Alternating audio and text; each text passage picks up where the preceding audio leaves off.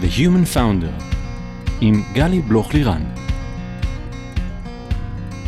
היי, כאן גלי בלוך-לירן, וברוכים הבאים ל-The Human Founder, הפודקאסט שבו מדברים על ההיבטים המנטליים של המסע היזמי. כולם מדברים על ה roller coaster שכרוך בלהיות uh, יזם ואולי גם משקיע. משהו שכמטאפורה מדמה את ה sequence של מניה דיפרסיה. איך מרגישים high מטורף כשאתה מפקד על היחידה הטכנולוגית הכי נחשבת שיש ומוביל שם מהפכה תפיסתית וארגונית? ואיך חווים לואו חזק כשאתה מנכ"ל חברה ציבורית שחווה לחצים משמעותיים מצד הרגולציה. והמקום הזה, חוסר הוודאות הזה, הצורך לשמור על עצמנו כל הזמן ברמת ניהול עצמי גבוהה, אנרגיה גבוהה ועם חוסן מנטלי להתמודד עם הכל, זה ממש לא פשוט. בכל פרק אני אשוחח עם יזמים, משקיעים, יועצים, פסיכולוגים, במטרה לתת מקום ללייר הנוסף הזה, שפחות מדברים אותו בקול רם, ההיבט המנטלי שמלווה את הדרך היזמית, וגם אשתף עצות וכלים שיסייעו לכם לייצר פוקוס, בהירות וחוסן מנטלי, כדי להיות יזמים מאוזנים שטוב להם. היום איתי כאן אה, פנחס בוכריס. אהלן, פנחס, איזה כיף שבאת. שלום, שלום. אתה איש רב פעלים ויכולות, גם במגזר הציבורי וגם במגזר הפרטי, ואנחנו ככה נשוחח היום על המסע המשולב היפה הזה. אה, אני אציג אותך רגע. אתה תת-אלוף במילואים, היית מנכ"ל משרד הביטחון, שם ייסדת את יכולות אבטחת הסייבר במודיעין הישראלי, מפקד יחידת 81, מפקד 8200, קצין בסיירת מטכ"ל והשתתפת במבצע אנטבה ב-76. אתה שותף מנהל ב-State of Mind Ventures 1 ו-2 בשתי הקרנות, שותף uh, ב-Apex Partners היית מנכ"ל בזן, דירקטור בסימפטום, ויגו, וייזר, Perception Point, היית, אתה עדיין advisory board ב Cybereason, היית דירקטור ב-ABS 7 Automatic Bank Services ובמגל Security Systems ובקרן ההשקעות של דיסקונט ובבזק, ככה המון המון דברים שעשית. היום אתה ממשיך אה, פעילות עסקית עצמאית בעולם הסטארט-אפים, מתנדב במעוז וילדים בסיכוי וחבר נאמנים בטכניון, ועל פעילותך הענפה זכית בפרס ביטחון ישראל, שזה הפרס הלאומי היוקרתי ביותר שניתן בישראל. אתה נשוי ליודפת, וביחד יש לכם שישה ילדים. וואו, זה חתיכת קורות חיים, חתיכת רזומה. כן, זה נתיב, נתיב החיים. נתיב החיים. אז uh, קח אותנו להתחלה, איך התחילו החיים? איפה? שם uh, ביבניאל? מה, מה היה שם? Uh, כן, נולדתי ביבניאל uh, ב-56. אני בן למשפחה uh, מרובת ילדים, בהחלט אפשר להגיד, אנחנו שבעה אחים. כל שנתיים אח, וחיינו בצפיפות uh, מאוד לא פשוטה. ההורים uh, עבדו קשה בשביל לפרנס uh, שבעה ילדים, ולימדו אותנו הרבה דרך ארץ, שזה הדבר הכי חשוב, ואני גם מבין את זה היום, דרך ארץ, וכל השאר היינו צריכים לעשות את מלחמת ההישרדות שלנו. איזה מספר אתה בתוך השבעה? אני מספר שלוש. מספר, כמעט באמצע, ממש כמעט. כזה, משני כזה. אבל אני חושב שההורים שלי היו גיבורים מאוד, במיוחד אימא שלי. למה? כי אנחנו שבעה אחים, כולם היינו ביחידות קרביות, ובלא מעט שנים היינו חמישה אחים ביחידות קרביות, וכשהיום אתה שומע אימהות שיש להם בן אחד ביחידה קרבית, וכמה קשה לה, וכמה זה, וכמה זה, אז תראי לה חמישה בנים בו זמנית, אה, שלושה במטכ"ל, אחד בסייר צנחנים, וגבעתי, ועוד ועוד. זה לא פשוט. וואו, וואו, אי אפשר, באמת קשה לדמיין את זה, ככה חמישה כן. בנים באותו זמן. אה, ולאימא שלי היה מוטו מאוד חשוב, מה שצריך לקרות יקרה, וככה היא האמינה ויכלה, אה, אני מאמין לישון טוב, אני לא יודע. היא זיכרונה לברכה לצערי, אבל כן, גיבורה אמיתית. נשמע, מה היה שמה? מימה. מימה. נשמע שהיא ככה דמות מאוד משמעותית בחיים שלך, ועיצבה הרבה ממה שעוד תכף תספר לנו על הדרך. כן. ומה שצריך לקרות יקרה, זה מוטו... מוטו שיש בו משהו שמאוד uh, משאיר אותנו ככה רגע עם הרגליים uh, על הקרקע, ועוזר לנו לא לפחד ממה שעוד לא רגע ידוע. נכון. להתפקס בכאן ועכשיו. אז uh, יבניאל ושבעה ילדים, אתה מספר שלוש. מה, איך זה החיים שם? החיים מאוד לא פשוטים, אבל uh, זה באמת הישרדות אמיתית. למה לא פשוט? כי זו משפחה מת, uh, עם, uh, עם uh, יכולות מצומצמות, נקרא לזה. שבעה ילדים בחדר, ישנים שניים או שלושה באותה מיטה. לפעמים אוכלים ארוחת ערב, לא אוכלים ארוחת ערב, ועוד הרבה דברים כאלה. וזה, לא רוצה להיכנס לזה יותר מדי, אבל זה לגמרי לא פשוט. ואתה לומד לחיות תוך, מתוך זה, ומזה לבנות את עצמך. וכמה שזה מעצב. אה, סיפרת לי איזה סיפור מרגש כזה, כשדיברנו כמה דקות לפני, אם זה בסדר ש... בסדר שנספר אותו רגע? כן. שסיפרת לי ככה על, אה, על הקריאה והכתיבה. תשתף אותנו רגע. אז uh, אני חושב שבגיל צעיר הייתי ילד uh, סופר אקטיבי, אולי אפשר להגיד לזה מופרע. ובעצם uh, הייתי עסוק בפעילות חוץ מאשר יותר בלימודים, ובעצם עד כיתה ד', אולי קצת ה', לא ידעתי קרוא וכתוב. ובכיתה ד' היה לי אירוע עם, עם uh, מורה חיילת, שהיה מאוד לא פשוט.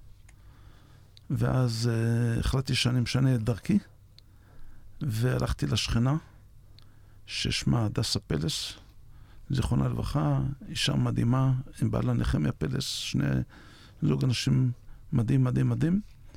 ודפקתי על דלתה וביקשתי שהיא תלמד אותי קרוא וכתוב. הדסה פלס היא הסבתא של קרן פלס. אה, אבא שלה, דורון פלס, הוא כאח לי. אה, ומשם השתנתה, השתנו חיי. והיא לימדה אותי קרוא וכתוב, וכבר את היסודי גמרתי בהצטיינות, ועברתי לפנימייה.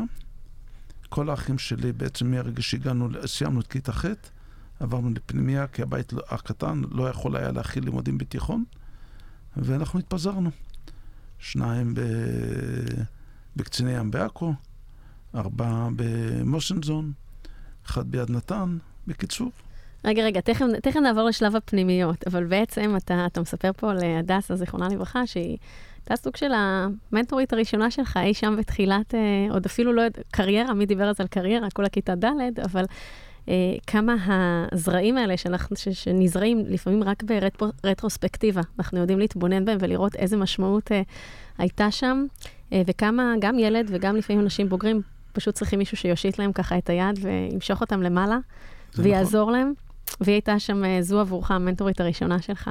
זה נכון מאוד. ואני זוכרת שהגענו לזה, כי אמרת לי עם יבניאל וזה, ואז אמרתי לך, כמו קרן פלס, נכון? ואז כזה היה לך חיוך כזה קצת אה, נבוך טיפה, ואז שאלתי אותך למה. ואז סיפרת לי רגע על איזושהי סגירת מעגל. אז תספר לנו, שלא מזמן ככה חגגת יום הולדת. אה, יוצפת אשתי חגגה לי יום הולדת 65, ובאיזשהו שלב בזה הקריאה משהו שדורון פלס כתב. הוא לא יכול היה להגיע. וכשהיא סיימה להקריא את מה שהוא כתב, היא אמרה, אך טבעי הוא זה שקרן פלס uh, תצטרף ותשאיר לנו. ואני חייב להגיד שזו התרגשות uh, עצומה בשבילי. איזה מדהים. מלא דמעות, מלא מלא דמעות. גם עכשיו אתה מתרגש, אני מספרת למי שזה, הם לא רואים, אבל הם מקשיבים. אבל אפשר לשמוע בקול שלי שאני מאוד מאוד מתרגש, ואני חוץ מאשר להגיד לאשתי המופלאה, שזה תודה רבה על האירוע הזה. אבל זה היה משהו, גם עכשיו יש לי דמעות. דמעות זה טוב, גברים בוכים זה טוב. ויש פה כמה דברים, ואני בכוונה מתעכבת על זה, כי לפעמים גם במרוץ את השנים, ואנחנו מצליחים ומתקדמים, ויש לנו המון אחריות על הכתפיים, ואנחנו שוכחים רגע לפעמים לעצור ולהסתכל על הרגעים הקטנים האלה ועל סגירות המעגלים, אה, וכמה הן משמעותיות, אה, ולחגוג את הדברים האלה. אז גם אה, איזה סיפור יפה ככה מאותה מנטורית שהייתה לך פעם, והיום הנכדה שלה, שככה באה וסוגרת מעגל, ואיזה חברות הייתה שם. אה, ובכלל, לדעת לעצור ו-to cherish את הרגעים, ו- ו- ולחגוג את היום הולדת וליהנות מכל ככה מה שאנחנו עושים אה, בדרך הזאת, אז אה, גם אותי זה רגש כזה. אז תודה ששיתפת. אז, אז חז... אנחנו חוזרים אחורה, ואז אתה ככה אומר, האחים מתחילים להתפזר לפנימיות.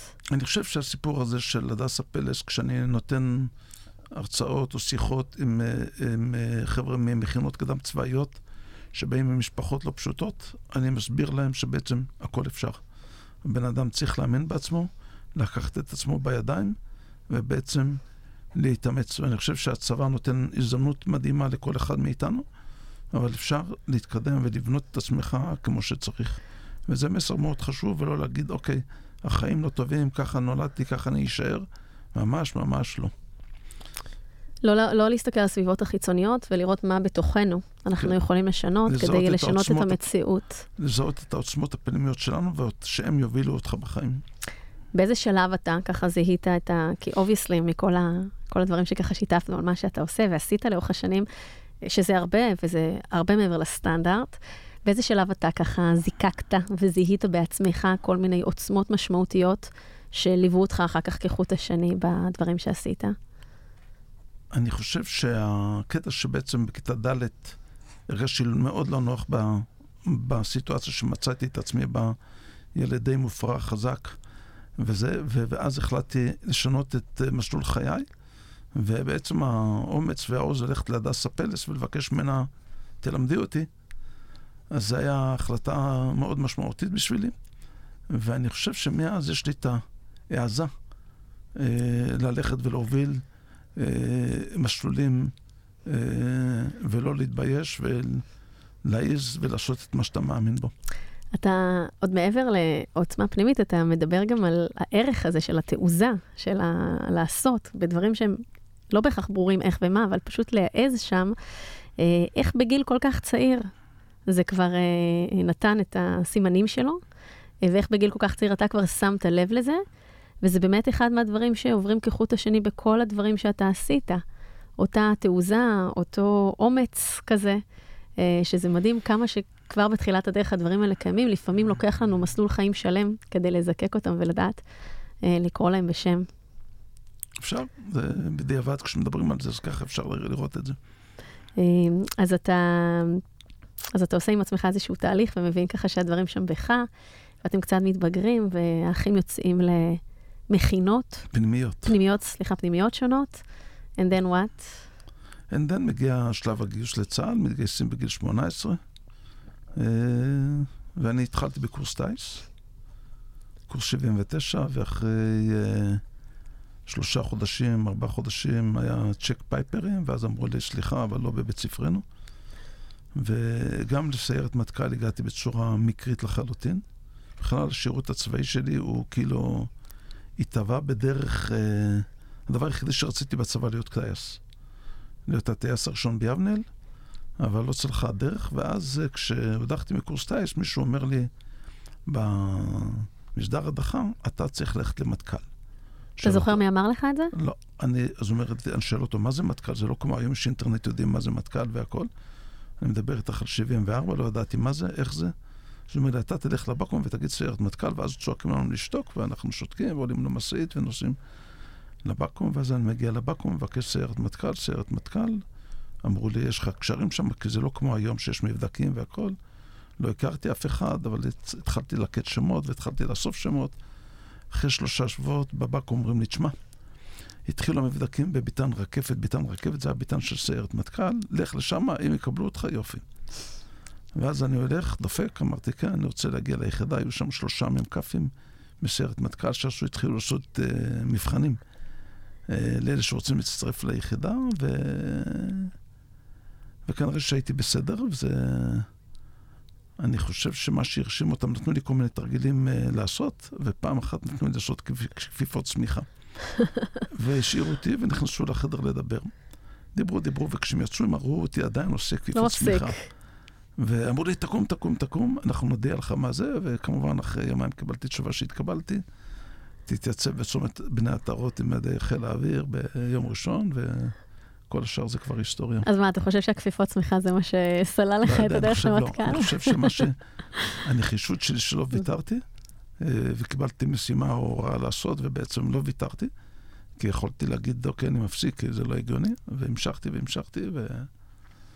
אז גם התרשמו מהיכולת סיבולת שלי להמשיך, וגם מזה שאני לא מוותר. אז אתה מתחיל את סיירת מטכ"ל, שזה עוד משהו שהייתה לך תעוזה, גם ללכת לאותו ביתן רקפת בבקו"ם, וגם ככה עם עצמך, אתה ממשיך שם בשכיבות צמיחה, ואתה מתקבל למטכ"ל, ו... זהו, זה... סיירת מטכ"ל זה מקום מדהים, מדהים, מדהים. אנשים מדהימים. יש את המוטו של היחידה מעז מנצח, וזה מוטו שהוא מאוד חשוב לחיים, גם ביחידה, גם לסטארט-אפים, גם להכל, לכל בן אדם שרוצה להצליח, הוא חייב להעיז בכדי להצליח. הוא לא יכול לא לקחת רמה אחת מעל מה שהוא חושב שהוא יכול.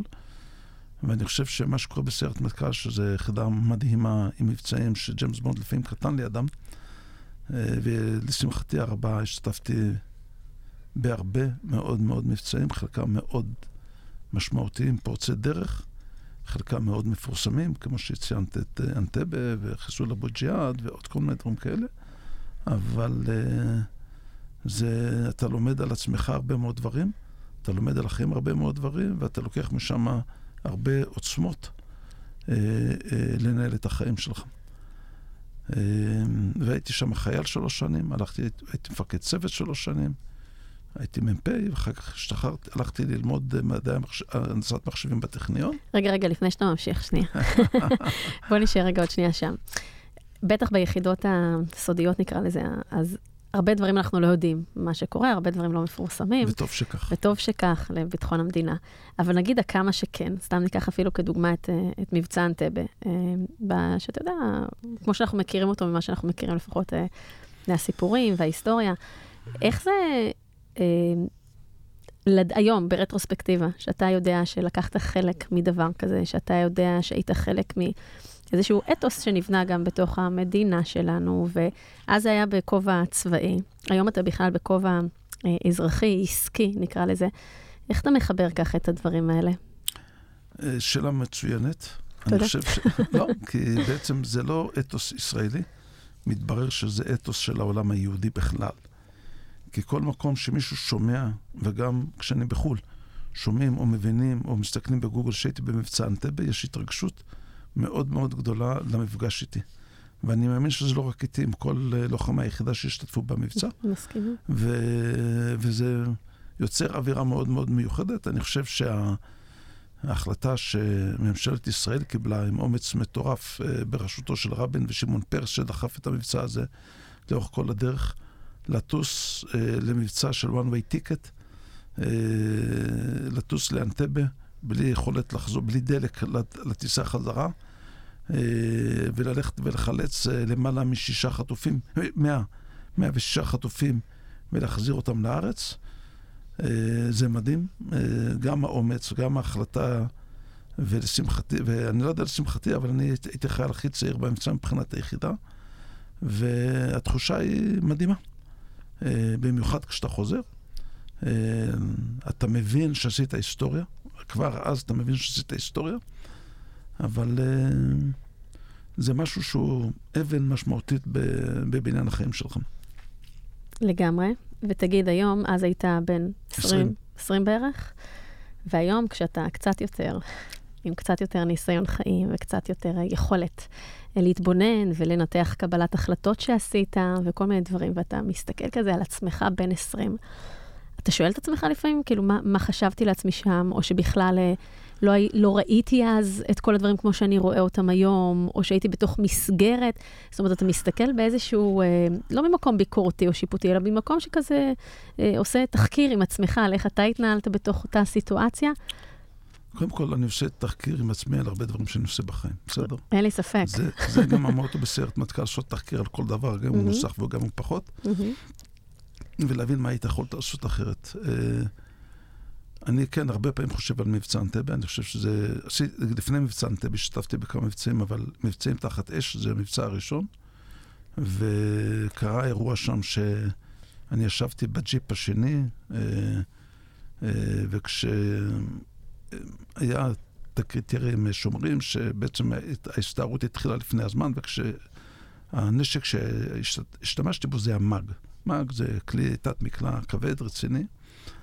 וכשקפצתי מהג'יפ, הרצועה נתקעה אה, בכיסא של הג'יפ, ופתאום, אה, עד ששחררתי, מצאתי את עצמי לבד, כל החוליה שלי רצה קדימה, וכשאני מנסה ללכת, הרגליים לא לוקחות אותי.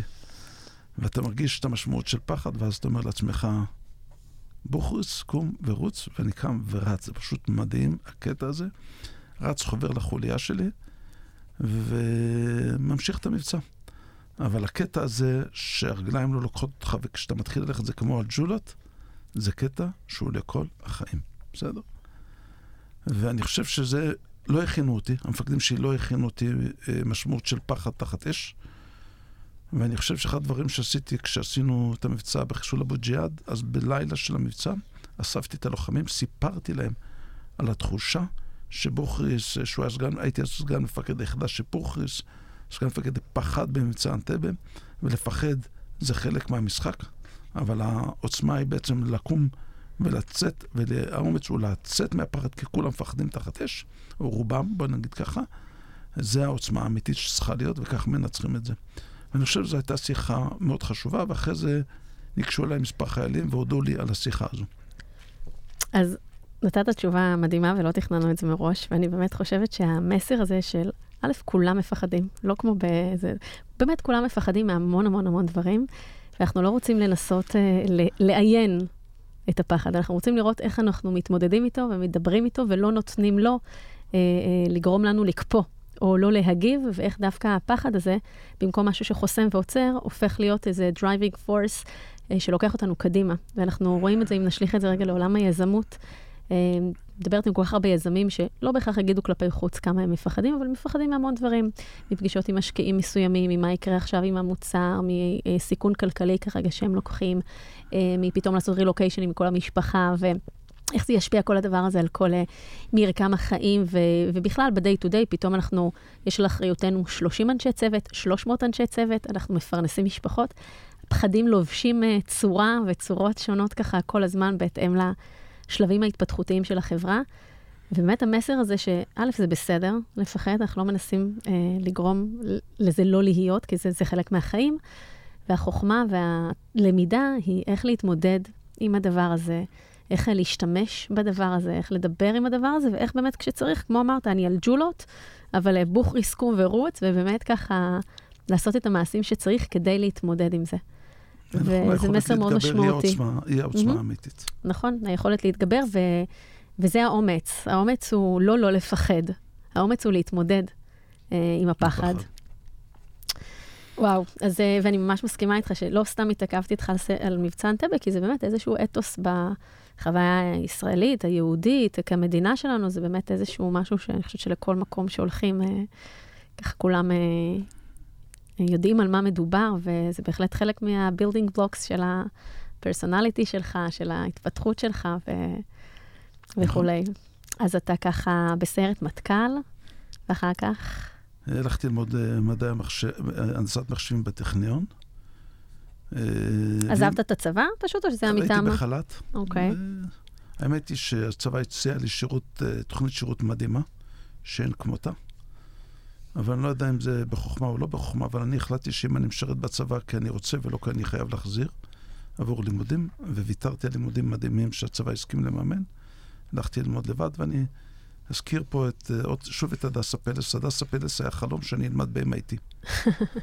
עוד מימי כיתה ד' היא אמרה לך על MIT. אני לא צוחק, כן.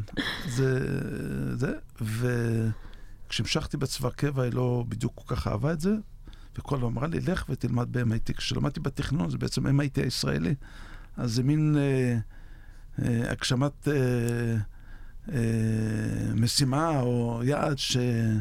שוחחנו עליו, הדסה ואני, והתממש דרך הטכניון. ה-MIT הישראלי. אז אני רק פותחת על זה סוגריים, כי ככה נקודה יפה למחשבה. הרבה פעמים, גם כשאני מדברת עם אה, יזמים, ובכלל עם אנשים, אז יש לנו חלומות מסוימים, למשל אצלך ב-MIT. וההבנה הזו שחלום, יש לו כל מיני, אה, או משהו שאנחנו נורא נורא רוצים, או יעד מסוים, יש לו כל מיני דרכים להתקיים במציאות. וזה לא חייב להיות בדיוק הדבר הזה כפי שאנחנו תיארנו אותו בהתחלה, יכול להיות שההוויה שלו ושהחוויה עצמה תהיה דומה גם במימוש בעצם בקונסטלציה שהיא קצת שונה. אה, כמו שיש לנו חלום פתאום אה, לגור באיזה בית מסוים, או להיות באיזה יעד מסוים, או להיות באיזשהו תפקיד מסוים, אז לפעמים המהות של הדבר הזה יכולה להתקיים גם בקונסטלציות חיים אחרות, וזה משהו שאם אנחנו מבינים אותו, מאפשר לנו הרבה גמישות אה, לאיך כן לגרום לדברים טובים אה, לקרות בחיים שלנו ולדברים שאנחנו רוצים ככה אה, אה, להשיג. אז הלכת ל-MIT הישראלי, בטכניון, שכבודו במקום המונח לגמרי. שמתי שם הנדסת מחשבים, ובוגי, שהיה באותה עת מפקד היחידה, אמר לי, בוא, תחזור להיות סגן שלי. האמת היא שאני לא חושבת שאני חוזר לצבא. חשבתי שאני אלך לעבוד בהייטק הישראלי. אבל uh, בוגי זה אדם שמאוד הערכתי ומאוד אהבתי, והסכמתי לחזור להיות תחת פיקודו בתור סגן שלו. זה היה ב-89, זה היה אמור להיות שנה אחת, שהתחילה ב-89, ובעצם הסתיימה ב-2002, שנה אחת ארוכה. שנה ארוכה. ארוכה. זהו, וכשסיימתי את התפקיד סגן אצל בוגי, רציתי להשתחרר, ואז הגיע מנטור נוסף. לא מנטור נוסף, הוא איש שנגע בי באצבעו, שכמו קוראים לו, הרמטכ"ל שלנו דאז היה אמנון ליפקין שחק, בזמן שהייתי בסיירת מטכ"ל הוא היה ראש אמ"ן.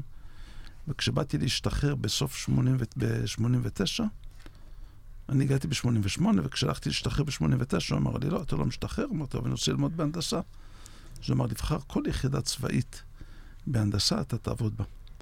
ואז התלבטתי, בדקתי, בדקתי, בסוף הלכתי ל-81, שזו יחידה מדהימה אה, בפני עצמה. וכל השאר זה כבר היסטוריה. נכנסתי לעולם ההייטק. ב-81 בניתי את יכולות הסייבר ב-92-93. זה מדהים כמה... והסיבה שהיה אפשר להתחיל לבנות את זה אז, כי האינטרנט שהפכה להיות לרשת תקשורתית למכוני מחקר באוניברסיטאות, ולמכוני מחקר אה, באוניברסיטאות בעולם הגיעו כל מיני מדענים מכל מיני מדינות שעניינו אותנו, אז אה, דרך זה היה אפשר לדוג אותם ולראות אה, אה מה הם עושים או לא עושים. וזה כברת דרך משמעותית, ואחרי שסיימתי להיות מפקד 81, הייתי, אחייתי אחרי מה שנקרא היום מפקד המ"מ, הייתי בעצם אחראי על כל המבצעים המיוחדים של, של, של המודיעינים. ואז רציתי להשתחרר עוד פעם. רגע, רגע, חכה.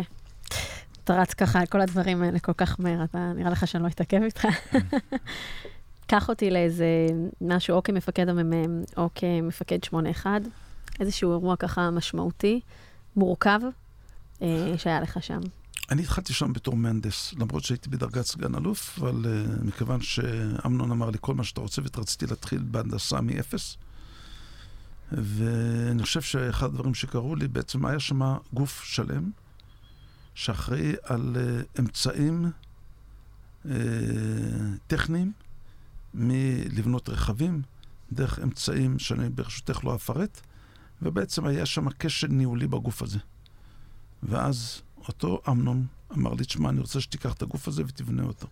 למרות שהייתי, למדתי הנדסת מחשבים, ושם זה הנדסת מכונות והכול, ובעצם, והיו להם הרבה בעיות ותקלות באמצעים שהם נתנו למבצעים המיוחדים של סיירת מטכ"ל ויחידות אחרות, ואני בערך לקח לי שנה אה, אה, ולהפוך את הגוף הזה עם עוצמה פנימית גדולה, שבעצם הפסיקו להיות תקלות, כלומר, רמת האמצעים השתפרה בצורה כזאת משמעותית, שהפסיקו להיות תקלות. וליוויתי את הגוף הזה, ואיך אני אומר, למצוא את הדרך לגעת באנשים. אז למרות שלא הייתי מהנדס מחש... אה, מכונות, ולא הייתי טכנאי ולא הייתי כלום, מצאתי את הדרך לגעת באנשים האלה, שעשו מעל ומעבר, ותוך שנה, שנה וחצי, הפכו להיות לגוף מאוד מוביל ומשמעותי בשמונה אחד, אה, ש... זה פעם נוספת שאני מרגיש ב, בעוצמות האישיות שיש לי, אה, לקחת את האנשים, לתת להם אמונה בעצמם, שעשו מה שאנשים אחרים לא האמינו בהם. איך, איך למשל זה היה נראה, נגיד אם אתה מתאר סיטואציה כזו? כי אתה, לכאורה, התוצר שאתה מדבר עליו היה שהיו כשלים טכניים, נקרא לזה. אבל אתה בעצם אומר, הכפתור הפעלה שלחצתי עליו, הוא בכלל היה בתוך האנשים, פנימה, כדי לגרום להם להוציא מעצמם יכולות אחרות. שאל אותי אה, בזמנו רמ"ח אלקטרוניקה, שהמקביל שלי, איך עשית את זה? איך אתה? אמרתי לו שאחת החוכמות זה לדבר עם האנשים בגובה העיניים שלהם, לא שלך. ואני חושב שזה, אה, שם, הם עבדו 24 שעות ביממה ולפני מבצעים ולהכין אמצעים, במיוחד בתחום הרכב.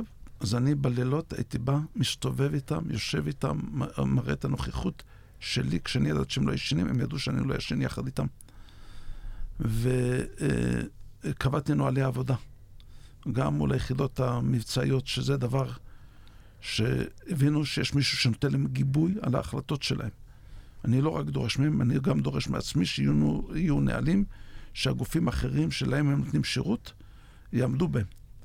ואני חושב שכל הדברים הקטנים האלה, וברשותך אני לא כל כך יכול לפרט, בעצם נתנו להם את האמונה בעצמם, וזה, אני חושב שזה אחד ה...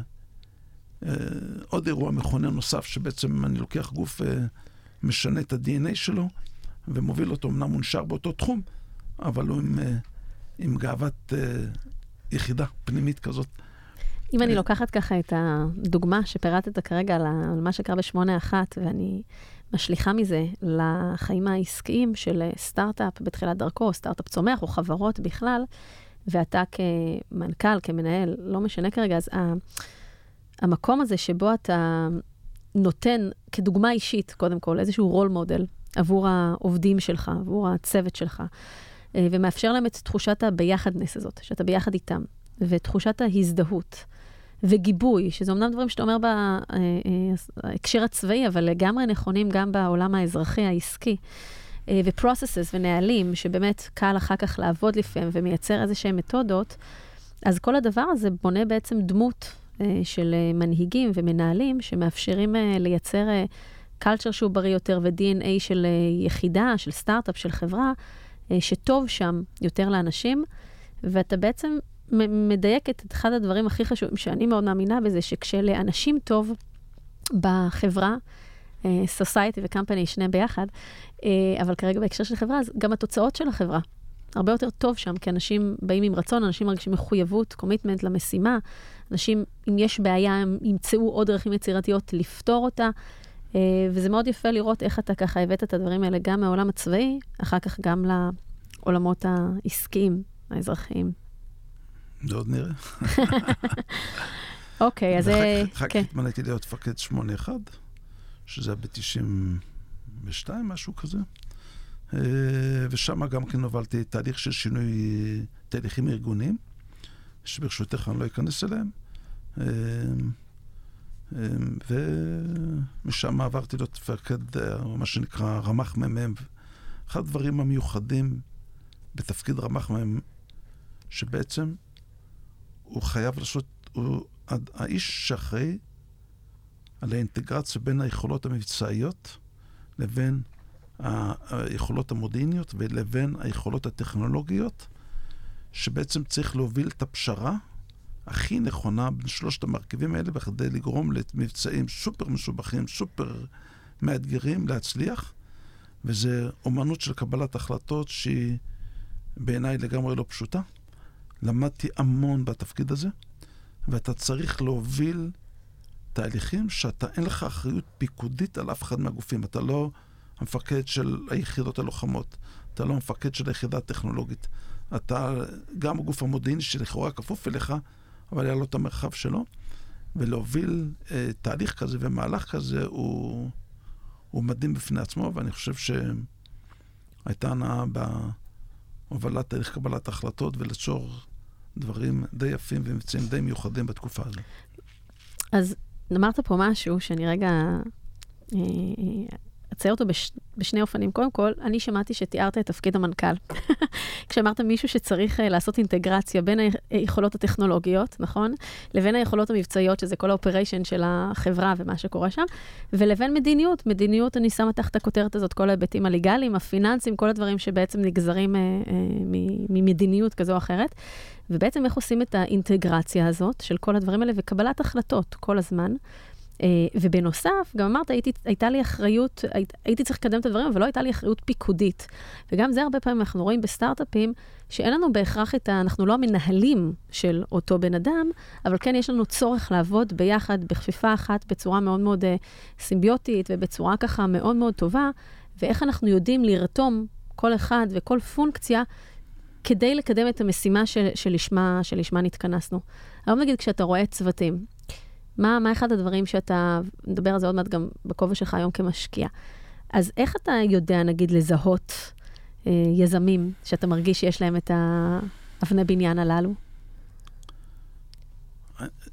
נגעת בנקודה מאוד נכונה לדעתי, אה, אה, להסתכל על צוות היזמים של סטארט-אפ, היא אחת הנקודות הכי חשובות בתהליך קבלת ההחלטות, האם להשקיע או לא להשקיע. כי הרבה סטארט-אפים באים בהרבה רעיונות, ואחר כך עושים פיבוט לרעיון אחר לגמרי.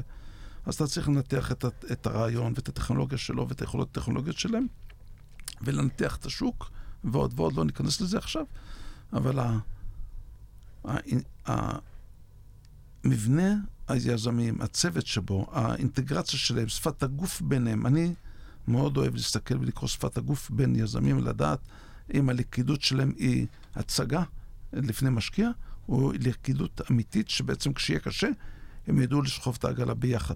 וזה אחד הדברים הסופר חשובים להבין אה, בצוות אה, יזמי, ואני נותן לזה משקל מאוד כבד בהחלטה שלי האם להשקיע או לא להשקיע, כי רעיונות משתנים, ויש לא, סטאר, מעט, לא מעט סטארט-אפים התחילו ברעיון א', עברו לרעיון ב', ובסוף... אה. זה משהו שאתה רק מתבונן בו, זה משהו שאתה לומד אותו בעוד דרכים, איך אתה סופג? שדרך אגב, אני סופר מסכימה איתך, איך אתה סופג את הרמזים אני הללו? אני, אה, אני סופג את זה בצורה מאוד משמעותית לפי שפת הגוף שלהם, ואני שואל שאלות אה, לפעמים מכשילות, ואני שואל שאלות שהם אה, בסוף נותנים לי את התובנה אה, באיזה אירוע אני נמצא. ויש סטארט-אפים שהיו עם רעיונות מדהימים, והחלטתי לא להשקיע, כי בעיניי הצוות לא ידע לעבוד ביחד. ובדיעבד אתה רואה שהם באמת התפרקו במעלה הדרך. אבל זה היו גם דוגמאות הפוכות, שחשבת שככה קלטת נכון בניתוח שלך, ושדאון דה רוד הצוות לא כל כך דילבר והצליח לעבוד טוב ביחד? כן, אבל אז עשיתי שינוי. יש סטארט-אפ שאני מוביל עכשיו, והאמת היא ש... שינוי ארגוני הכוונה? לא, שינוי בין שני יזמים. אוקיי.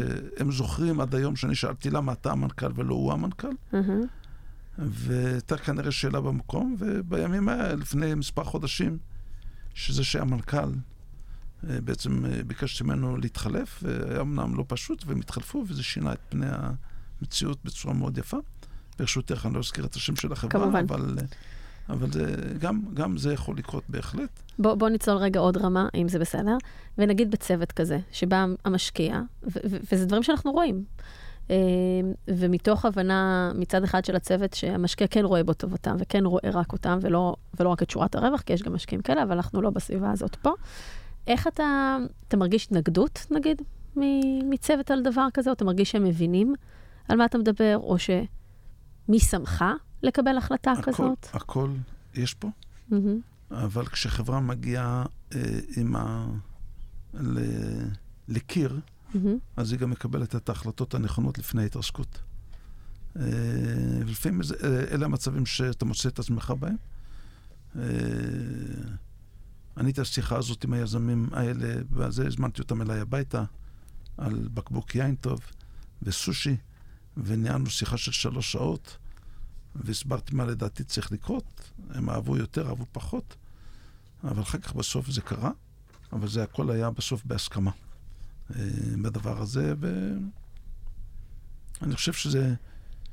אה, קרן צריכה מאוד להיות זהירה בלחץ שמפעילה על הסטארט-אפים, כי קרן יכולה גם לשרוף את השם שלה. אה, וזה דבר שאסור שיקרה, כי יזמים לא יבואו. אבל אני חושב שאם אתה עושה את זה בדרך הנכונה, והיזמים לאחר מעשה גם מעריכים את המהלך הזה, אז... אז יש פה אקט של למידה. אקט של למידה, ואני חושב ש... זה, זה, מש, זה מהלך מאוד עדין, צריך לעשות אותו מאוד ברגישות. לא... לפעמים אתה צריך גם לדעת לוותר. כשיש התנגדות, ואני חושב שה...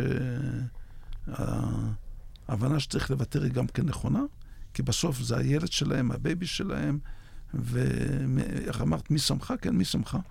וצריך לדעת שזה ככה, נכון? אתה שמת את הכסף, סיכנת את הכסף, הם צריכים לדלבר, ופה המערכת היחסים עדינה.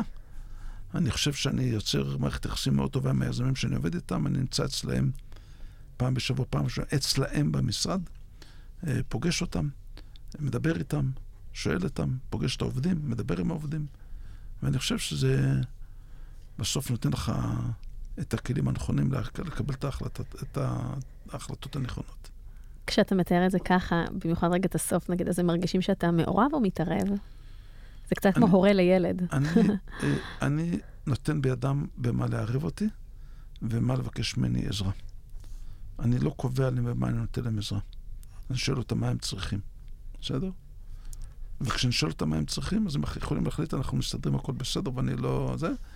אבל הרבה פעמים הם אומרים לי, אנחנו צריכים את זה. אנחנו רוצים שתעזור לנו פה.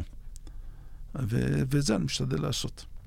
אני חושבת שזו שאלה מדהימה, לבוא ולשאול מה אתם צריכים, או איך אני יכול לעזור לכם, שהיא שאלה פתוחה, והיא באמת מאפשרת שיח אה, שהוא מאוד אה, אותנטי וכן ומאפשר, וגם יזמים מצד אחד לא, לא מפחדים לפנות ולגשת, כי הם רואים במשקיע את אה, אה, ידה הארוכה של החברה, שככה עוזר לה בעוד דברים נוספים.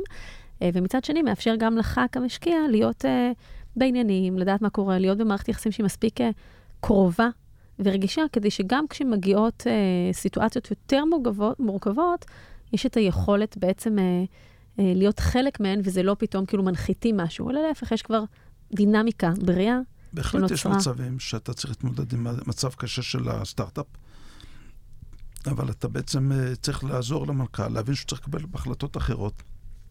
אתה לא יכול לקבל אותן במקומו, כי הוא זה שצריך לנהל את זה. וגם היו מצבים כאלה. אה, אני חושב שגם ברגעים האלה, בסוף הסטארט-אפים קיבלו את ההחלטות הנכונות ושינו את דרכם, שזה עזר להם אחר כך להתמודד עם האתגרים בהמשך. אני חוזרת אחורה, ואז אתה ככה מסיים את, אה, את התפקיד שלך בתור אה, רמ"ח המ"מ, ומה קורה אחר כך? ואז רציתי להשתחרר וללכת לעבוד שוב בשוק. שוב פעם רצית להשתחרר, שוב שוב פעם. לא נתנו לך.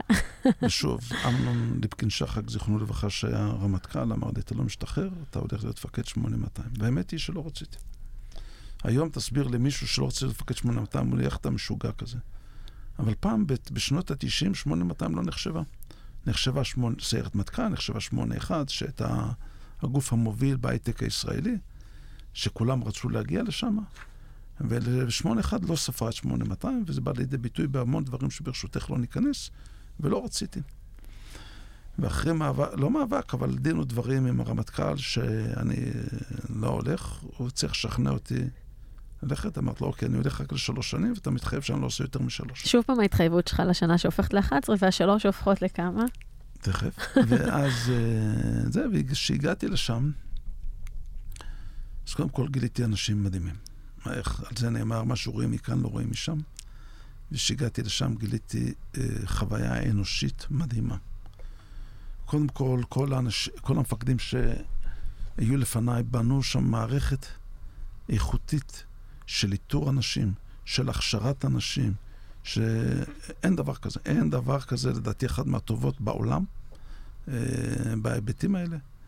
אה, ובאמת, היו לי מספר אלופי משנה מתחתיי, שחלקם ראו את עצמם בתפקיד שלי, ואז צריך, אני הגעתי לשפיץ הפירמידה, לח- לחברה, לח- ליחידה הכי גדולה בצה"ל, או בין הכי גדולות בצה"ל, עם אלפי אנשים, עם מספר קצינים בכירים מתחתיך, שהם חושבים שהיו אמור- היו אמורים להיות במקומך. ועכשיו היה צריך לנהל תהליך, ואני אה, הבנתי, יחסית אחרי אה, תקופה קצרה, שהיחידה הזאת, אני צריך לשנות משהו, אני לא יכול להישאר באותו מקום. כי הכניסו אותי במידה מסוימת לתעלה של תהליך קבל החלטות של אה, אלה שהיו מתחתיי. אני לא הייתי מרוצה מלא מעט דברים, ואז הבנתי שאני צריך לרדת לרצפת הייצור. ראיתי שההנחיות שאני נותן מלמעלה לא כל כך מתקיימות, וראיתי שהיחידה הזאת עם משמעת אה, אה, אה, מאוד לא פשוטה, ו... והייתי צריך, איך אני אומר, לשבור את תקרת הזכוכית שיש מתחת האנשים המדהימים שקיימים שם, ו...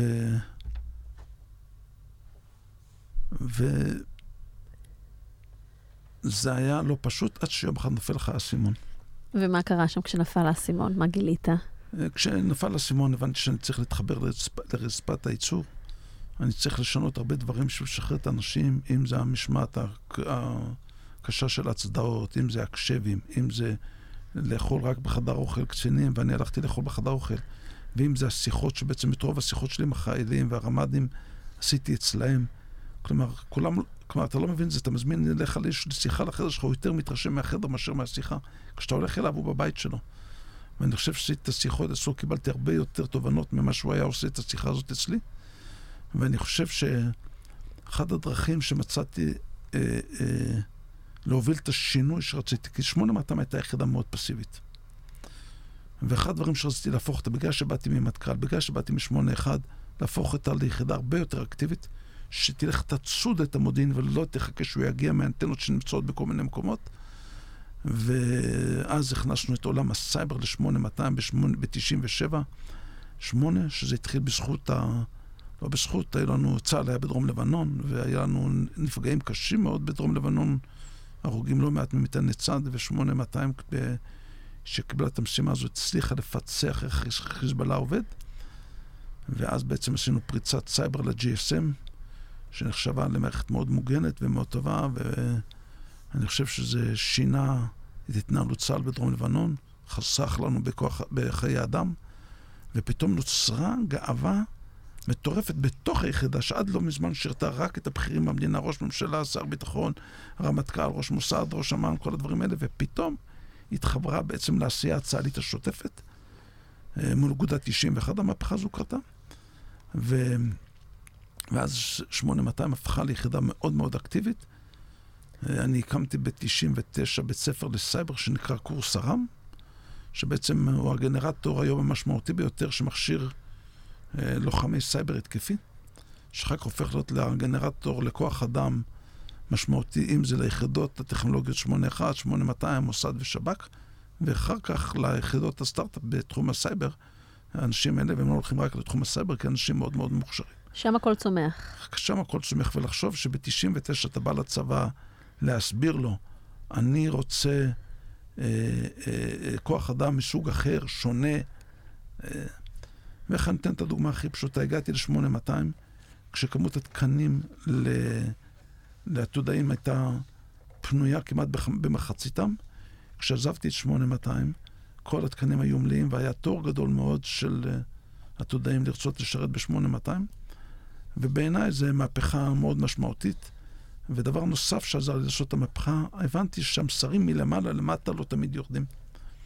ואז קבעתי כל, אה, כלל עם עצמי, שהכביד, אבל לא היה צריך, שאני בעצם עם כל קורס ביחידה, שאחרי שהוא מתגייס, אני הולך, מקדיש לו ערב בשבוע, ומדבר איתם, זה היה בסביבות שעה 4-5, והולך משם רק כשהשיחה נגמרת.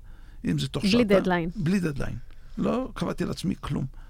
והדרך להעביר את המסרים של האמונה שלי, במה אני מאמין, ואיך 8200 צריכה להיראות, שלחתי גם מלמטה, וזה, אני מדבר איתך על חיילים שרק התגייסו לצה"ל, וגם מלמעלה למפקדים שמתחתיי, ובסוף הכל התחבר. ו... ואני חושב שהיחידה מצאה את הדרך לעשות את זה בצורה מיטבית. אני חושב שהתשתית שעשו המפקדים שלפניי בנו את היכולת הזאת שזה יקרה. והדבר העוד עוד יותר מדהים, שינוי ארגוני זה בדרך כלל, אתה עושה שינוי ארגוני וזה כמו נחום תקום. הנחום תקום תמיד מחזיר אותך. עשיתי, הובלתי שינוי ארגוני במערך הטכנולוגי, שלא חזר למה שהוא היה, ואפשר לראות ש-8200 למדה להתאים את עצמה לאתגרים העכשוויים, והיא משתנה כל הזמן. עוד פעם, כאן מרכז, משתנים בין הדברים. כל אחד, כל מפקד שבא אחר כך, אז היה לו הרבה יותר קל לעשות שינוי מבנה ארגוני ולהתאים את מבנה היחידה לצרכים שלה, ליעדים שלה. איך אני מדמה את זה? בתור יבניאלי, זה כמו שאתה הולך אחרי החורף, יש לך אבן קטנה תקועה באדמה. אתה צריך להוציא אותה, זה לא פשוט, אתה צריך לקחת או מזלג או סכין, להפוך אותה. אחרי שאתה מוציא אותה מהאדמה, עם האצבע אתה מזיז אותה. וזה מה שקרה ל-8200. היה צריך לעשות בה את השינוי המשמעותי ב-97-8, ואחרי זה מפקדים אחרים, בתובנה מאוד מושכלת, התאימו את היחידה להתאמת צרכים, והיום, אה, להיות, זה נאמר, כל השאר זה היסטוריה. אתה בעצם, אה, אתה, כמה שנים היית שם? ארבע שנים. ארבע שנים. בניגוד לשלוש. אה, אה, אתה מתאר פה ככה, אתה מספר בהמון תשוקה על מה שהיה ב-8200, ואני כזה מקשיבה לך, מקשיבה לזה בעוד לייר, וזה סוג של אה, סטארט-אפ בתוך הצבא, ובעצם התיאור רגע של ההתקדמות שלו והצמיחה שלו של הדבר הזה, וכמה עקרונות מאוד מאוד משמעותיים שאני רגע אחזור. אה, אה, שהטמעת שם, שאנחנו יכולים ללמוד, קודם כל דיברת על רצפת הייצור, ורצפת הייצור, אני גם נורא אוהבת להשתמש באנלוגיה הזאת, אה, בשני אופנים. האופן הראשון זה ללכת ובאמת לפגוש את האנשים שנמצאים שם, גם את העובדים, גם את היוזרים, לרדת, ללכת לשם, לראות באמת מה קורה, להרגיש ברגליים את הדברים, זו פעם אחת. ופעם שנייה, זה מגיע מהריטייל, תמיד אומרים שבוא נראה מה עוד יש על רצפת הייצור, בוא נראה מה עוד יש שם שאפשר to leverage ולעשות מזה ולהניע עם זה את הביזנס שכבר קיים, אבל לא הסתכלו עליו בתצורה מספיק נכונה. ואלה ככה שני דברים שקשורים לרצפת הייצור ומאוד מאוד רלוונטיים לסטארט-אפים. Uh, הדבר השני בעצם שאמרת, זה איך הקמת שם את הגנרטור ואת הבית ספר לסייבר, ואנחנו רואים כמה חשוב בתוך כל ארגון לייצר את המנוע, אה, מנגנון למידה הפנימי. איך אנחנו בתוכנו מכשירים עוד אנשים ומטפחים אותם ומלמדים אותם עבור הצרכים של אותו ארגון, של, של אותו סטארט-אפ, כי אז יש לנו אנשים שהם כבר engaged, שהם באים בדרך הנכונה, ואנחנו מפתחים אותם, ואז הם מרגישים יותר committed למה שקורה שם, אה, ואנחנו מייצרים עוד ועוד טאלנטים בדבר הזה. ציינת גם איך 8200 למדה לאט-לאט, וזה תהליך למידה מדהים של ארגון, כמו סטארט-אפ, להתאים את עצמו למציאות משתנה. איך שהיא הייתה ביום שנכנסת, ואיך שהיא ביום שעזבת, ולא כל שכן עוד... ואיך שהיא היום. היום, שיש פה עקומת uh, learning curve מאוד מאוד גדולה, היא משתנה והיא מתפתחת, ואנחנו רואים את זה בחברות סטארט-אפ, ובכלל חברות. כמה זה חשוב לא להישאר באותו מקום, ולהיות קשובים לכוחות השוק, ולמה שקורה, ולטרנדים, ולמתודולוגיות, ולהתפתח ולצמוח איתם. והדבר האחרון זה, ודיברת גם על המסרים שהם לא יורדים כמו שצריך, שזה גם משהו קריטי, כי הרבה פעמים משהו מתקבל בהנהלה, הבחירה, אבל הוא לא מחלחל עד למטה, והדברים לא עוברים כמו שצריך. ומסר שחברה מחליטה לגביו, צריך גם לבוא לידי ביטוי במוצר שאנחנו מוכרים, ובאיך אנחנו אורזים אותו, ומסרים השיווקיים ללקוח, לא רק משהו שנשאר על מצגת בחדרי חדרים. אז זה נורא יפה לראות את העקרונות האלה, איך ככה... כבר משם הם גם אה, אה, אה בעצם תואמים ולוקחים אותם לחברות עסקיות לחלוטין. והגאוות יחידה הזו, שדיברת עליה, שהזכרת אותה, היא חוזרת כחוט השני בכל היחידות שהיית בהן, והיא בעצם בעיניי עוטפת את הדבר הזה של לראות את האנשים ששם, לראות ולראות. אפשר לשחק עם זה קצת בעברית, כי לראות באלף, באמת ככה מלראות אותם, ולראות קצת כמו רועה צאן ככה, ש, שמוביל אותם בתוך הדבר הזה וקשוב אליהם ולצרכים שלהם, קצת לאכול, קצת לטבע, קצת ככה, זה, זה בלי להיות ככה יותר מדי אה, רגשית פה עם הדימויים. אבל אה, נרא, באמת נשמע תהליך מדהים שב-8200, שרואים ממש איך אפשר להסתכל עליו כמו סטארט-אפ כזה שצומח אה, וגדל, ואיזה עקרונות חשובים אלה גם ל, ליומיום שלנו. זה היה תהליך מדהים מדהים, במיוחד שהייתה לו התנגדות חיצונית מאוד קשה. החברים שלי ממערך המ"ם מאוד התנגדו לשינוי הזה. ראש אמ"ן התנגד לשינוי הזה, אבל הבנתי שזה זה מה שישנה את המציאות, את היכולת המודיעינית של אה, חיל המודיעין, ולא ויתרתי. וזה היה מאוד קשה ולא פשוט, אבל uh, הנחישות ש...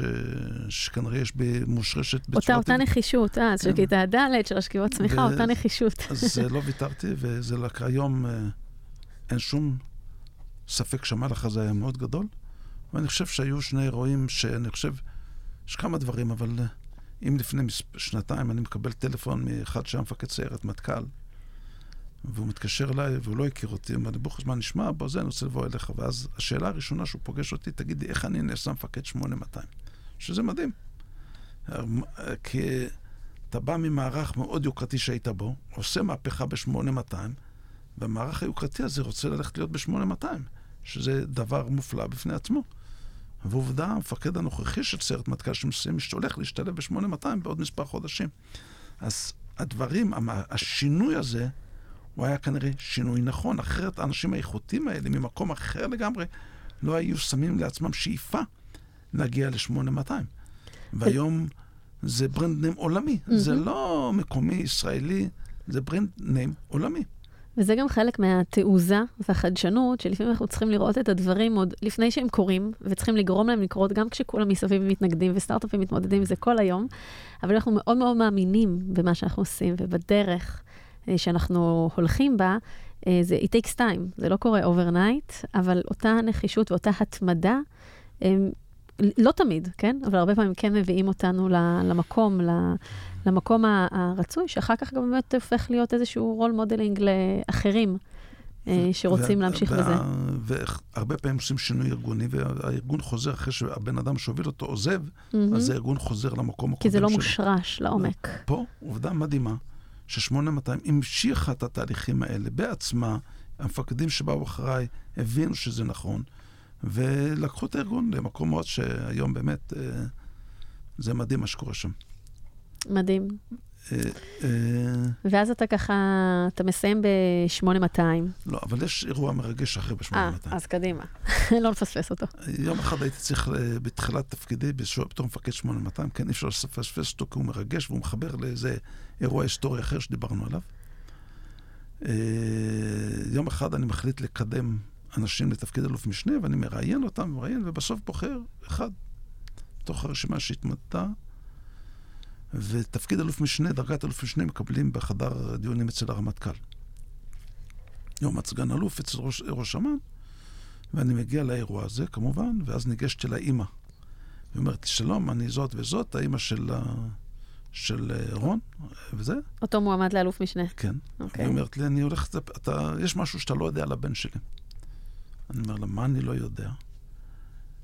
אז אה, אני עשיתי איתו שיחה, והרגשתי שהוא מספר לי הכל, הוא אומר לי, יש משהו אחד שאתה לא יודע, היא אומרת לי. אני אומר לה, מה? אז היא אומרת לי, רון היה חטוף באנטבה. וואו. ואחר כך הוא קודם להיות סגני. אז היו כמעט שנה וחצי שמפקד היחידה היה מהמחלצים שבמבצע אנטבה, והסגן שלו היה חטוף. אז uh, אירוע מדהים שרק יכול לקרות במדינת ישראל.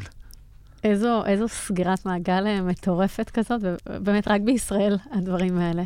וואו, כן. ממש... אה, והוא לא רצה לספר לי שאני, שלא בטעות אני אקבל החלטה לא ברמה העניינית, שזה מדהים, מדהים, מדהים. אז הוא היה שנה וחצי הסגן שלך? כן, הוא ניהל גוף אה, אחד מהחשובים ב-8200, אחר כך היה סגן שלי, וגם עבדנו מדהים, וגם איש מאוד מאוד חכם, עם יכולות מדהימות, כל הכבוד לו. ואתה אפילו מעלה פה עוד איזה נקודה כזאת, אה, אה, כזה על הדרך, אמרת אותה, הוא לא רצה לספר לי כי הוא חשש שה, שתהיה פה איזושהי הטיה, ואימא שלו באה ואמרה את הדבר הזה. אה, וגם, אני, אני מאמינה שאנחנו סך כל סיפורינו, וסך כל חוויותינו, והכול בסדר, זה הביא אותנו לאן שאנחנו אה, אה, מגיעים, וזה נורא בסדר גם לשתף בדברים האלה, ואנחנו צריכים לסמוך על אנשים שמקבלי ההחלטות, שהם מקבלים את ההחלטות המקצועיות, הענייניות, הענייניות אבל בסוף מדובר באנשים. ואנחנו הכל, הכל אנשים, ואנחנו סך כל הדברים, ש, כל החוויות וכל הדברים שעברנו בחיים, אז איזה כיף שהאימא שלו ככה כן הרגישה בנוח לבוא ולשתף, כי זה עוד פשוט אה, משהו מרגש כזה. כן. אה, בהחלט מרגש. ו- לא... ובסוף אלה הדברים שמאוד מאוד מכבדים אותנו, גם אה, ככה מבפנים. אז עכשיו אפשר לעבור לדבר הבא? כן. אז what's next? ואז החלטתי להשתחרר ב-2002. שוב החלטת. אבל החלטתי ומימשתי. ואני שאלתי את עצמי, כשסיימתי תפקיד 8200 הרגשתי עם עוצמות פנימיות מטורפות. ממש מטורפות. לקחת, להוביל מהפכה בגוף כל כך גדול, עם כל כך הרבה בכירים, ושבסוף מצליח לרתום אותם למהלך הזה, אז זה לא, אה, לא פשוט. ואז שאלתי את עצמי את השאלה, האם זה בגלל שאתה בוכריס, או בגלל שהיית מפקד 8200? שאלה. ולא ידעתי לתת תשובה לשאלה הזו.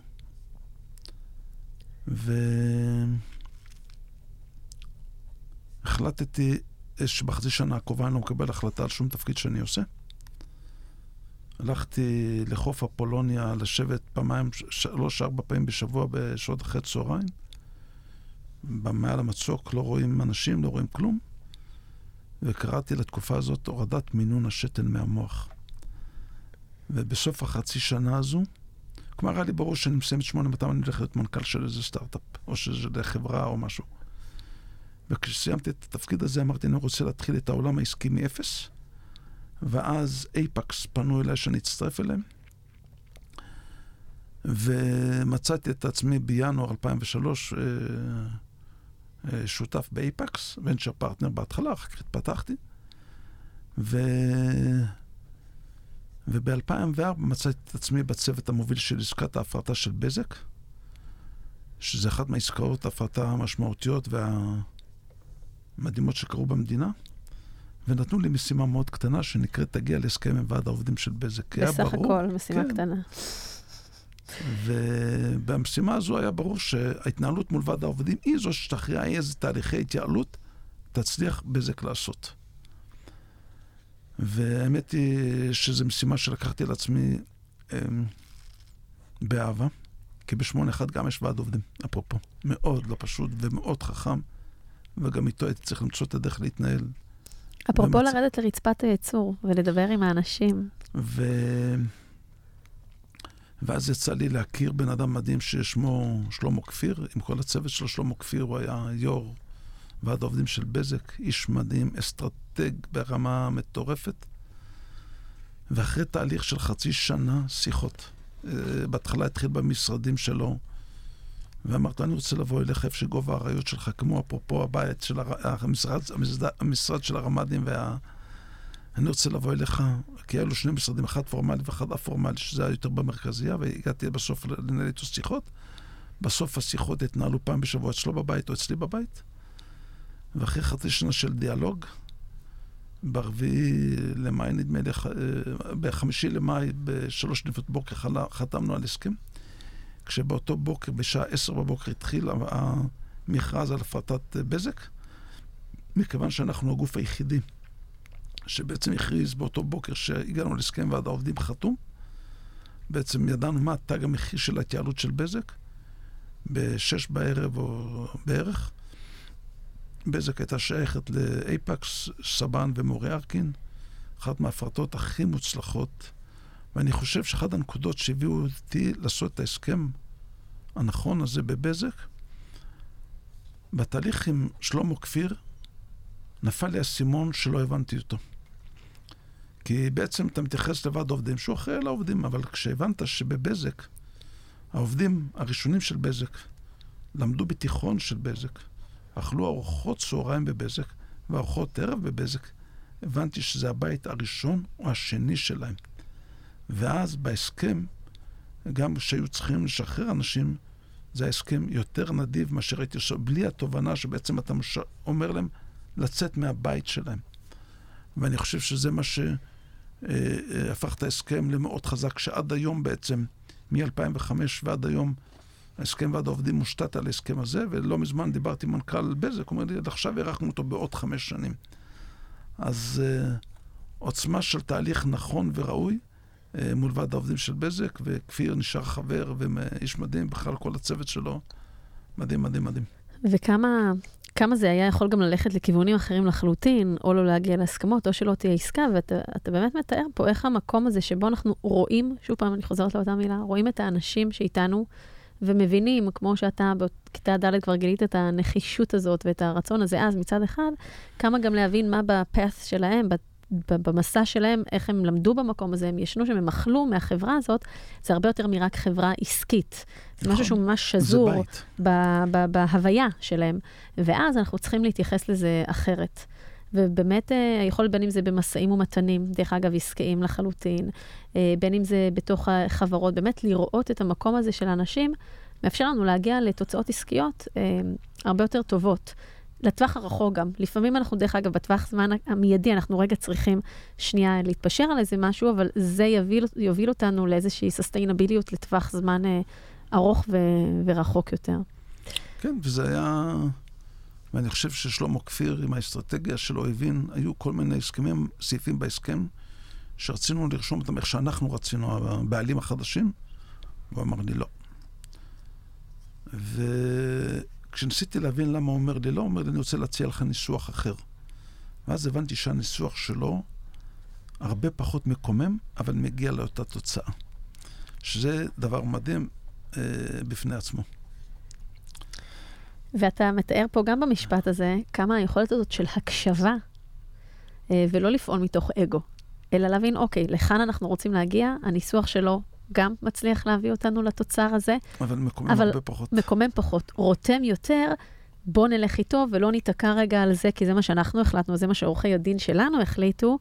כמה היכולת הזאת של להקשיב באמת למהות, אה, מביאה אותנו לאן שאנחנו רוצים להגיע, וזה לפעמים בין קו-פאונדרים, בין יזמים ומשקיעים, כל כך לא מבינים את הדבר הזה, כי כל אחד נורא רוצה בדרך שלו, במקום רגע לראות לאן אנחנו רוצים להגיע ואיך לחתור לטובת הדבר הזה, ופשוט להקשיב קצת יותר, וזה גם עוד משהו שאתה מימשת פה.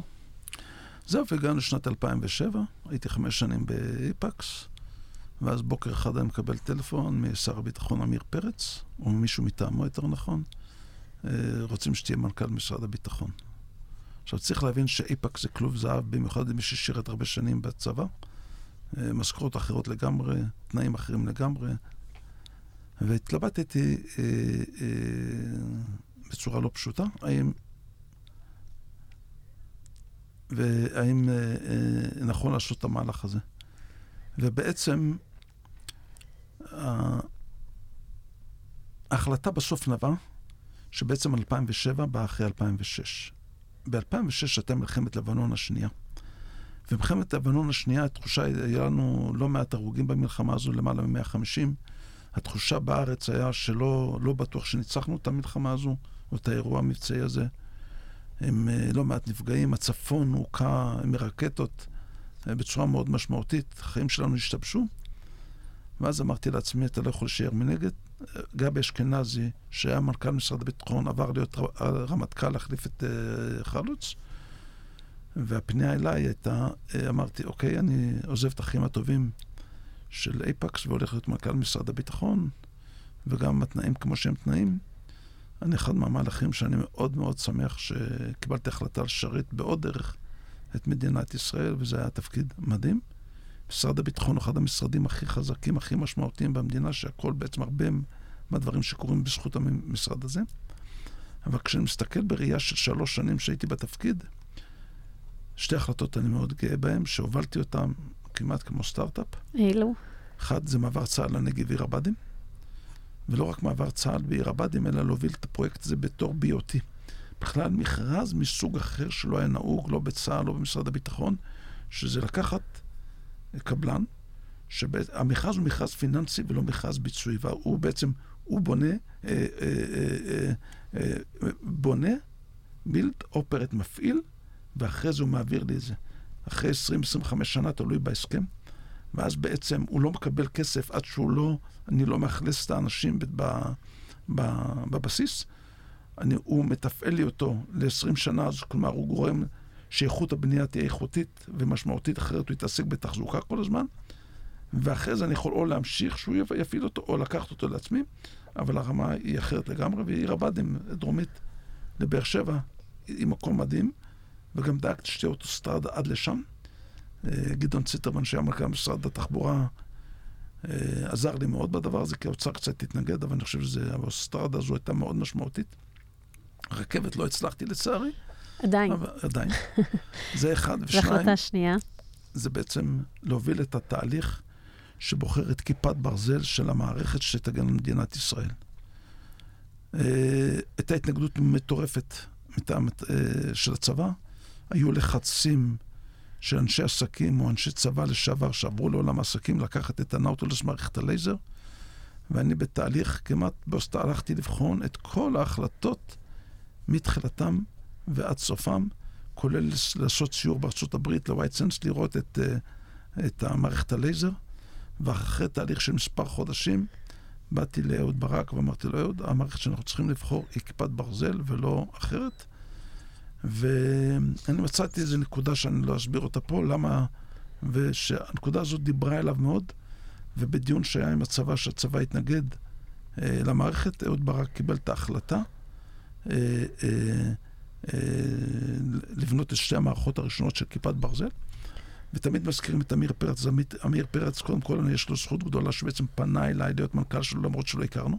בדרך כלל תפקיד של מנכ"ל משרד הביטחון זה מישהו חצי פוליטי כזה, מערכת יחסים, אבל הוא פנה אליי בלי שהוא הכיר אותי.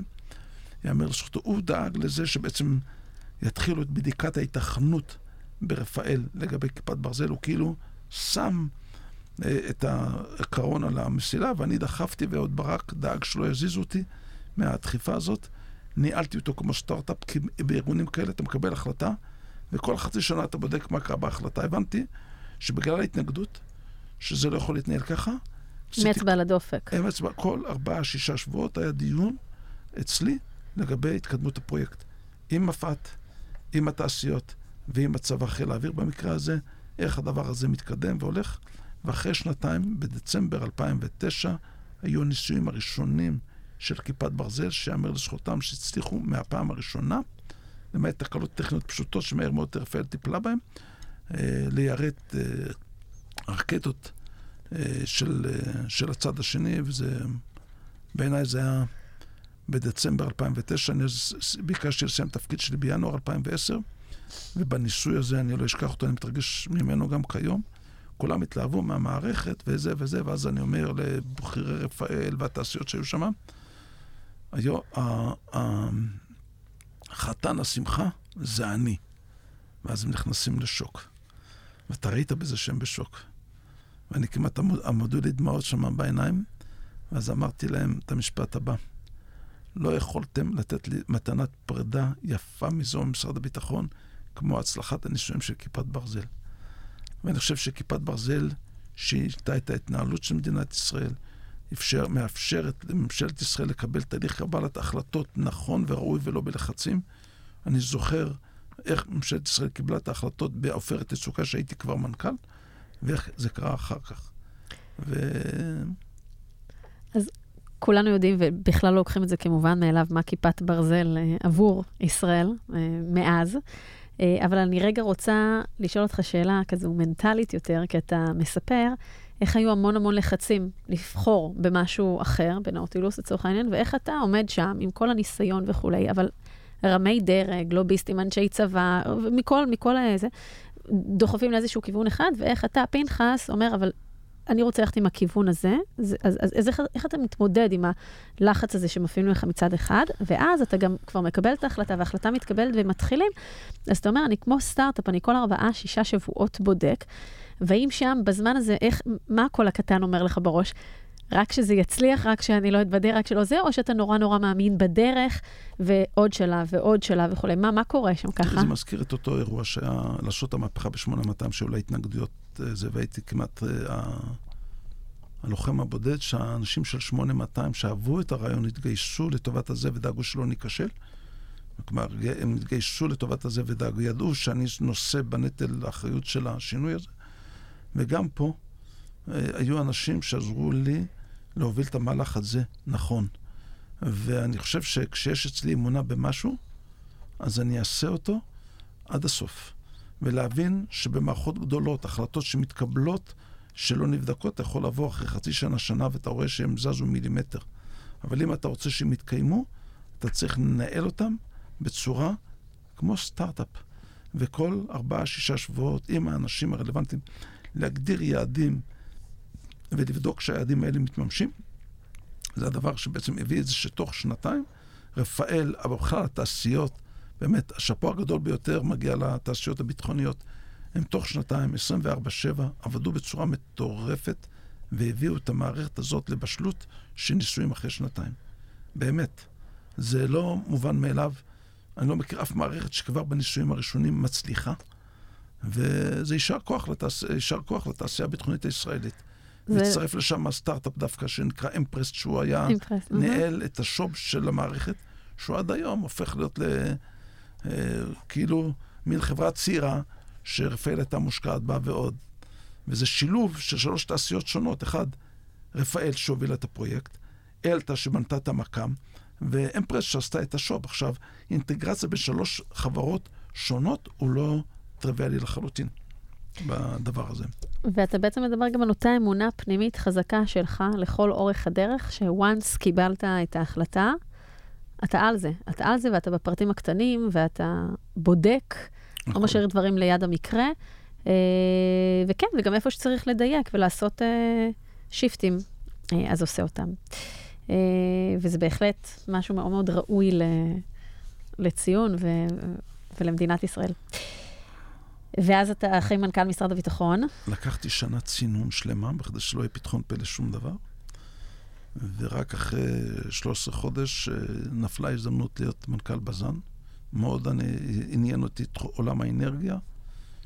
לא כך אה, למדתי את הסוגיה של הרגולציה של איכות סביבה, והלכתי להיות מנכ"ל בז"ן אה, ב-2011, ואחרי שנתיים וחצי החלטתי שאני עוזב את התפקיד כי הוא יותר מייסר. למדתי המון דברים שם, ויש שם אנשים מופלאים, גם שם הובלתי תהליכים מול ועד העובדים, לעשות, אה, אה, בז"ן בנויה מארבע חברות שונות, לעשות אינטגרציה בין החברות וליצור את זה כחברה, אחת, שזה תהליך אנושי מעניין, אבל כל ההתנהלות מאוד אה, לא התאימה לי, והחלטתי שאני אומר תודה והולך.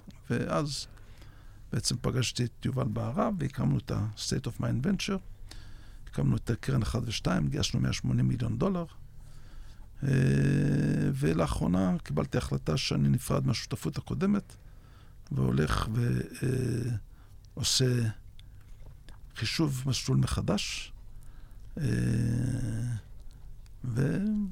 ושעדיין נשאר בעולם ההייטק, עדיין ילווה חברות, עדיין זה אהבת חיי לפגוש את החבר'ה הצעירים האלה, המדהימים האלה.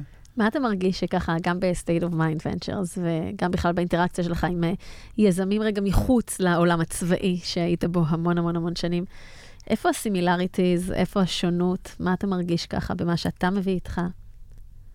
תראי, ב State of Mind אני עדיין שותף מנהל בקרן 1 ו-2, בשלישית לא, לא, אני הודעתי להם שאני לא, לא ממשיך, והחלטתי לעזוב. אה, ול, ול, ולעשות אה, חשיבה אחרת, שהיה ברור שתישאר אה, בעולם, בעולם הזה. ואני מאוד שמח על ההחלטה, אני שמח בשבילם שהם גייסו קרן של 200 מיליון דולר וזה, אבל אני אה, שמח לעצמי על ההחלטה להתחיל מסלול מחדש.